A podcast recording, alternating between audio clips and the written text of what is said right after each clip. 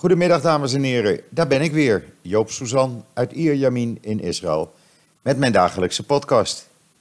Ja, het is weer een hele gevarieerde podcast vandaag. Eh, je merkt ook in hier in Israël, er is even stilte voor de storm. Eh, we zitten natuurlijk met die eh, leiderschapsverkiezingen binnenkort voor de Likud, de 26e. Eh, ja, eh, alles hangt af ook van de verkiezingen. Er gebeurt een beetje weinig. Maar we hebben heel veel leuke onderwerpen voor u te bespreken. Maar allereerst het weer natuurlijk. Nou, het is nog steeds lekker winterweer in Israël. Zo'n 20 graden, 21 graden vandaag. Blauwe lucht, geen wolkje te zien. Ja, klein briesje. Eh, ja, en die paar uur dat, dat dan eh, die zon schijnt, dat is heerlijk. Je kan zonder jas naar buiten. Maar ja, s'avonds, dan, dan is het weer hartstikke koud. En dan ga je s'morgens half zeven met die hond naar buiten. En dan is het uh, ja, 8, 9 graden. Dat verschil is wel groot. Maar goed, uh, we leren ermee leven. En het is best lekker. Het is uh, heerlijk. En ja, het zonnetje, dat doet toch veel. En dan even, gisteren was heel leuk van de, een paar collega's van mij binnen joods.nl. Die hebben een leuk artikel op de site gezet over mijn vader. Uh, u weet, ik had een uh, tijdje terug die oproep gedaan om uh, kaarten te sturen. Vond ik leuker als een bloemetje. En hij heeft honderden, honderden, honderden kaarten gehad van allerlei wildvreemde mensen die hij niet kende. En dat heeft hem enorm geholpen. Het heeft hem ook goed gedaan. Kaarten met brieven, handgeschreven brieven erin. wetenschapsbrieven. Kaarten met een zakje pepernoten en andere snoepjes erin. Ja, gewoon erg, erg leuk. En ze hebben daar een, eh, een, artikel over gemaakt en een filmpje over gemaakt. Morgen komt trouwens het hele verhaal in de Telegraaf. Daar eh, wordt een heel eh, kerstartikel aangeweid aan eh, mijn vader. Ja, en daar sta ik ook nog even bij genoemd. Dus het, eh, ja, wilt u wat van de Soezans familie weten? Nou, kijk morgen dan even in de Telegraaf. Want Wier Duk heeft daar een heel leuk artikel van gemaakt. Ik heb het al gezien. Uh, en het is echt een, een leuk uh, kerstartikel. En dan, wat hebben we nog meer? Ja, gisteravond, Christenen voor Israël in Sederot. Die heeft de grootste menorah van Israël aan Sederot cadeau gedaan. Het is een 12 meter hoog, hoge menorah die de afgelopen jaren overal in, in Nederland is geweest. Hij is ook op de Dam geweest, als ik me niet vergis. Dus in Nederland hebben veel mensen hem gezien. En er waren 150 Nederlanders met Christenen voor Israël meegekomen naar Sederot. Uh, om die uh, uh, menorah te zien overhandigd worden. Hij is 12 meter hoog. Is echt de grootste in, in Israël. Groter bestaat er niet. En het is fantastisch dat Christenen voor Israël dit cadeau heeft gegeven aan de gemeente Sederot. Die al zoveel te lijden heeft onder de Hamas-terreur. En dit is echt een, eh, een opsteker voor ze. Ook opperrabijn Jacobs uit Nederland was daarbij. En uh, ja, die zei, het was eigenlijk een geintje. Ik had ze jaren geleden, zes jaar geleden gezegd van als jullie nou echt iets bijzonders willen doen, maak dan eens een hele grote menorah, de grootste in de wereld. Nou, uh, ze dachten niet dat er bijna grapjes maakten, dus dat het serieus was. En Christenen voor Israël liet deze menorah maken door Arjen Lond en Klaas Zeilstra, twee Friese ondernemers. Eh, is echt fantastisch. Lees het verhaal, zie de foto's op joods.nl. Want ja, ik draag Christenen voor Israël een heel warm hart toe. En wat ze nu hebben gedaan, ja, ik vind dat echt buitengewoon, buitengewoon. En ik raad u ook aan, eh, steun Christenen voor Israël. Koop uw Israëlische producten daar. En eh, zorg dat ze, ja, dat ze sterk blijven en uh, Israël kunnen blijven steunen. En dan, wie niet Israël steunt, dat is Hamas. Maar ja, dat wist u natuurlijk al. Hamas uh, heeft toestemming gekregen van staatsman Erdogan om vanuit Turkije terreuraanvallen te plannen op Israël. Ja, het kandidaat EU-lid en NAVO-lid of NATO-lid Turkije helpt een terreurbende Uh, dan weet u in ieder geval waar meneer Erdogan uh, zijn voorkeur ligt. Want dit is toch niet normaal. Uh, Hamas mag gewoon terreur, terreuraanvallen organiseren in Turkije. Er wordt ze geen voet dwars gezet. Ze, er wordt ze niets in de weg gelegd en ze gaan hun gang maar. En dan vallen Israëlische burgers weer als slachtoffers. En meneer Erdogan vindt dat allemaal goed. En dan iets heel bijzonders op joods.nl. Want er is een 2000 jaar oude site gevonden uh, uit de Romeinse tijd. Waarop te zien is, of waar ze, waar ze eigenlijk uitgevonden hebben, hoe het Romeinse menu zijn, uh, zijn weg vond naar de eettafels in het oude Israël. Er werden wijnpersen ontdekt, uh, installaties voor het produceren van vissaus. En dat was erg populair, die vissaus. Want die bereiden, dat gebruikten ze weer om uh, zeg maar een soort saus van te maken. Want die sterke geur van die vissaus, dat, dat vonden die Romeinen wel lekker. men wist niet dat dat, ja, men wist ergens wel dat het gebeurde, maar niet waar. En nu dat in Askelon gevonden is, ja, heeft men natuurlijk veel meer, zeg maar, bronnen. Want, zegt men, het oude Romeinse dieet, volgens de mensen van de Israel Antique Authority, bestond grotendeels of was gebaseerd op vissaus. En dat dat dus werd gebruikt bij Ascalon, dat is heel bijzonder. Het was een basiskruid voor het voedsel in de Romeinse en Byzantijnse tijd in het Middellandse zeegebied vanwege de bijbehorende sterke geuren. En tijdens de productie ervan moest de productie ook ver van bewoonde gebieden plaatsvinden. Nou, in Ascalon gebeurde dat ook, want dat lag twee kilometer van het oude Ascalon uit de Romeinse tijd. En het is echt een hele zeldzame fonds wat ze nu gedaan hebben. Heel bijzonder ook. En eh, ja, het bewijst eigenlijk, zegt zeggen de archeologen, dat de smaak van de Romeinen zich door het hele Romeinse eh, Rijk verspreidde. Eh, ook de manier, de diëten, de manier wat voor eten ze, ze gebruikten, et cetera. Er zijn ook nog een paar fragmenten van een kerk gevonden. Eh, uit de uh, Byzantijnse tijd. Uh, er is niet veel over van, maar men heeft allerlei fragmenten gevonden. Waardoor je kan zien op de foto's hoe die kerk versierd was in de vijfde eeuw. Met allerlei indrukwekkende marmeren beelden en mozaïeken. Echt heel bijzonder. ja, ik hou een beetje van die oudheid. En ik ben altijd geïnteresseerd als men dus dit soort zaken opgraaft. Altijd heel bijzonder. Wat ook mooi is, eh, in Asdod is het Andalusian Orchestra. En dat is uh, een, uh, ja, die spelen uh, Andalusische muziek uit de oude tijd. En die, die hebben weer in Casablanca opgetreden, ondanks de BDS-protesten. Maar dat is niet gelukt. Het had veel succes. Een video kunt u zien op JoodsNL. Uh, als u van die muziek houdt. Ik vind het leuke muziek, ik vind het, kan het waarderen. En het is mooi dat de mensen die dat muziekfestival in Casablanca organiseerden, zich niets hebben aangetrokken van de BDS en hun sympathisanten. Uh, straks trouwens meer over de BDS. Maar eerst iets anders. In Vrijburg uh, was een straat die heette de Adolf Hitlerstraat. Die is inmiddels omge, uh, een andere naam gekregen. In Vrijburg im Bresgau heet, heet dat dorp, of stadje. En ja, dan kan je wel zeggen, hij heet niet meer de Adolf Hitlerstraat, maar ja, de straat heeft jarenlang zo geheten. En in die straat hebben de Gabat, samen met honderden Joden, een nieuwe Torahrol naar de synagoge van het Gabat-centrum gebracht. Dansend over straat dansend door de voormalige Adolf Hitlerstraat. En ik vind dat een prachtig gezicht. U kunt de video zien op joods.nl. Het is echt, ik vind het een geweldig gezicht. Want het is een overwinning. Zo moet je het toch zien.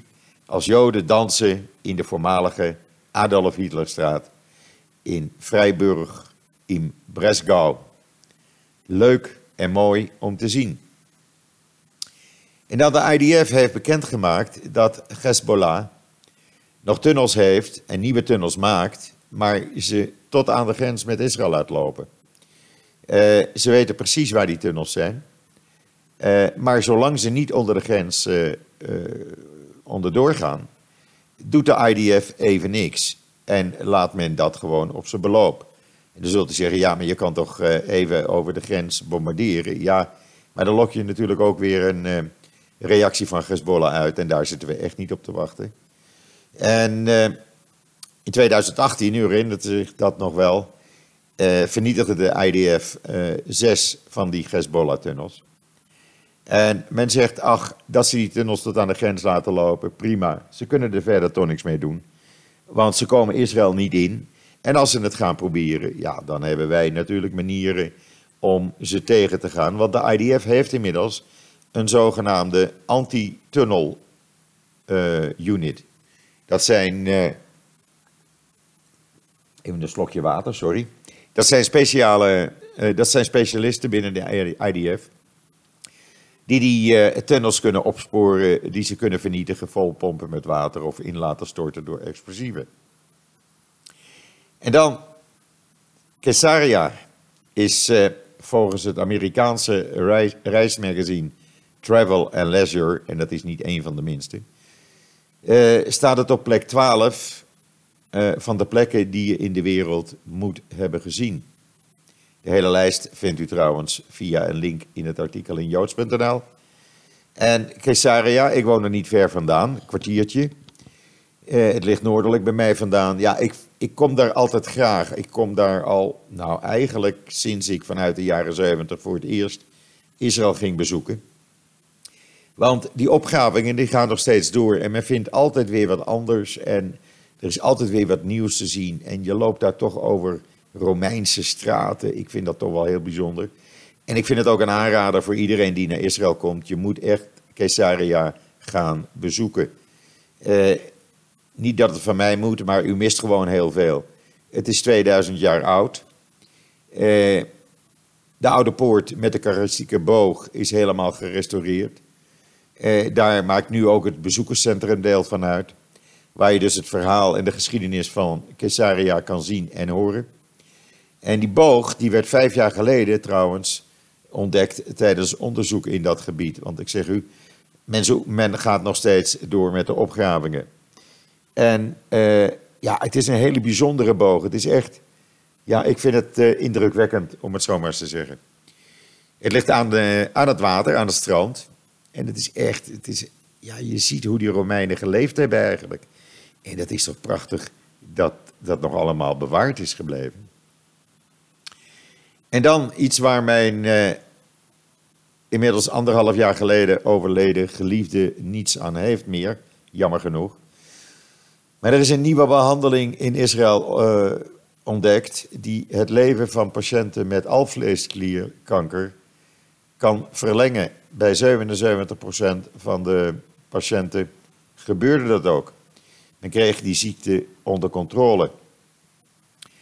Uh, het is een uh, beetje ingewikkeld verhaal, maar het komt erop neer dat men dus naast de chemo andere medicatie gebruikt, die men voor andere tumoren ook gebruikt.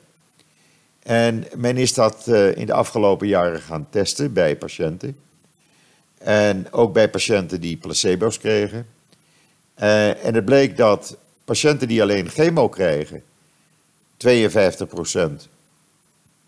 uh, van de patiënten, daarvan overleefde 77% van de uh, patiënten met uh, alvleesklierkanker als ze dit medicijn toegedenkt, uh, erbij kregen. Men is nog lang niet zover dat het helemaal genezen kan worden. Er is pas geleden ook een artikel op joods.nl over verschenen. Want alvleesklierkanker is de enige ziekkanker die men nog niet overwonnen heeft. 3% uh, overleeft in een periode van vijf jaar. En de rest overleed in een paar maanden tot een half jaar. Dat is ook bij mijn eh, partner gebeurd. Die overleed in zes maanden na ontdekking. Omdat het heel moeilijk te bestrijden is. Maar nu men dus uh, deze nieuwe therapie heeft gevonden. En dus bij 77% van de patiënten de tumorgroei kan stoppen of zelfs verminderen, verkleinen. Ja, dat is natuurlijk heel bijzonder. en dat is een, ja, weer een stap naar het onder controle krijgen van deze echt vreselijke ziekte. Ik heb het zelf helaas meegemaakt. En dat is echt ja, niet te beschrijven hoe mensen, hoe iemand kan lijden daaraan. En dan, men heeft in de afgelopen weken een terreurcel opgepakt hier uh, op de Westbank. En uh, van 50 mensen. En daar uh, zaten drie terroristen bij die verantwoordelijk waren voor de moord op Rina Snerp, u weet dat 17-jarige meisje die met haar vader en broer bij een bron zat een aantal maanden geleden. En daar werd een bom op afstand tot een ploffing gebracht. En zij kwam daarbij om het leven. Uh, ze hebben ze, u kunt de video's op mijn timeline zien. Uh, want ik kon ze namelijk niet kopiëren op joods.nl. Dus ga even naar mijn timeline op Twitter. En dan ziet u hoe ze opgepakt worden, die terroristen. En dat is maar goed ook. En die verdwijnen gelukkig voor jaren de cel in. En dan Gideon Saar, ja, toch wat politiek. Ik ontkom er niet aan, maar politiek, het gaat gewoon door. Eh, u weet, ik heb u een paar dagen geleden verteld hoe uh, mensen binnen de Likud, die zeg maar uh, een groep hadden opgericht met de naam Likudniks, die tegen Netanyahu waren. En die groep die, die is er al een paar jaar. Die zijn de, de Likud-partij uitgezet. Die mogen niet stemmen voor de partijleiderschapverkiezingen volgende week. Gideon Saar heeft nu gezegd dat hij alles in het werk zal stellen om deze mensen wel te laten stemmen. Want het gaat om duizenden uh, uh, Likudniks. De nieuwe Likudniks uh, ruim 5000. En dat is toch niet normaal? Ik vind het alvast niet normaal. Ik vind dat geen democratie. En ik kan begrijpen dat Gideon Saar zegt: ja, maar wacht even, dat kan helemaal niet. We gaan daar iets tegen doen. En dan een rechter in Jeruzalem, en dat is maar goed ook dat er rechters zijn die uh, dat zien, die heeft verboden uh, dat de regering samen met een gas, uh, Noble Gas, wat testen ging doen met een gasplatform wat slechts 10 kilometer uit de kust hier ligt. Men wilde wat testen doen om te kijken hoe men het beste het gas aan land kon krijgen. Maar men weet helemaal niet hoeveel verontreinigde stoffen er vrij zullen komen. Nou, bewoners en gemeentebesturen van die kustregio hier ten noorden van Natanja, die hebben bij de rechter toen een, een verzoek ingediend dit te stoppen. En de rechter is daarmee akkoord gegaan. En ik vind het onbegrijpelijk dat de regering van Israël gewoon zegt: ja, oké, we weten niet hoeveel vervuiling er komt. Maar wat maakt ons het uit? Uh, het gas moet gaan stromen en dat is veel belangrijker, die centen, dan het milieu. Nee, zo werkt het namelijk niet. Het werkt andersom. Het milieu is belangrijker dan de centen die je eraan verdient, uh, regering. Dat is maar goed ook. En dan, uh, ja, die minister van Justitie, die protégé van uh, Netanyahu, die door Netanyahu uh, een aantal maanden geleden als interim minister van Justitie is benoemd, die hield zich niet aan de wettelijke voorschriften bij de benoeming van een nieuwe procureur-generaal. U weet, ik heb u dat gisteren ook al proberen uit te leggen. Ik heb er een aantal keren over geschreven en het staat ook op mijn Twitter-timeline. En die minister heeft gewoon een nieuwe procureur-generaal benoemd. Die schoonschip binnen het, binnen het, uh, ja, het kantoor van de uh, procureur-generaal wil houden. Wat Netanyahu natuurlijk ook wil. Nou, dat was een petitie van de Movement for Quality of Government ingediend bij het Hoge Rechtshof. En het Hoge Rechtshof heeft gezegd: hé, hey, minister van Justitie, Jij hebt helemaal niet de bevoegdheid om die benoeming te doen. Dat is een comité En daarnaast uh, de procureur-generaal van Israël die dit doen. Die mogen een nieuwe openbare aanklager benoemen. En jij hebt daar helemaal geen zeggenschap in. Hij vond namelijk dat het zijn taak was. En hij zegt: Ik heb ook lak aan de regels. Ik bepaal. En ik doe dat om uh, mijn baas Netanyahu te beschermen. Want als we schoonmaak maken binnen het kantoor van de openbare aanklagers en de procureur-generaal, dan hoeft Netanyahu waarschijnlijk niet eens voor te komen. Dat zit er namelijk achter. Ja, maar zo werkt het niet. We zijn nog wel een democratie in Israël. En we gaan er geen uh, bananenrepubliek of een, uh, een dictatorregime uh, van maken, want dat kan helemaal niet. Dus het is goed dat, het, dat hij voorlopig even op zijn vingers is getikt en even pas op de plaats moet nemen. Hoe dat afloopt, ik laat het u weten.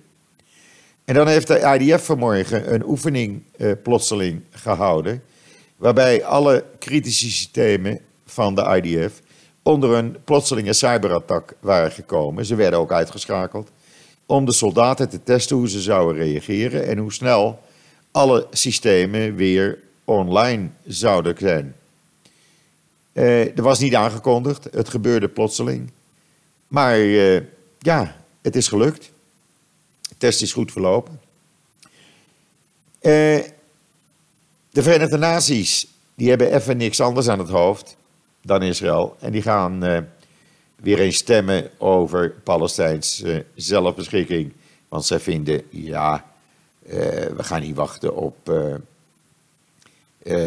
allerlei vredesonderhandelingen of Trumps vredesplan. Wel nee, wij als Verenigde Naties, wij geven de Palestijnen gewoon een eigen staat. Zo werkt dat schijnbaar. Ja, ik weet het niet. Het heeft toch niets met de Verenigde Naties van doen op deze manier.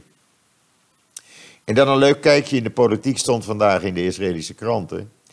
Lieberman, die had de voormalige minister van Justitie, Jacquet, gevraagd. Weet je wat, kom jij nou lekker bij, mij bij mijn partij? Als jij komt, dan ga ik er drie, vier zetels op vooruit. Dan worden we groter. En dan mag je elke ministerspost hebben als we aan een regering mee gaan doen die je wil.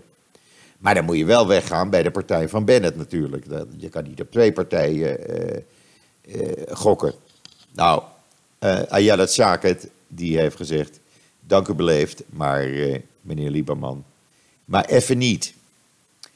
En dan ja, nog iets heel aparts op mijn timeline. Een man uit Kuwait was opgegroeid met haat tegen Israël.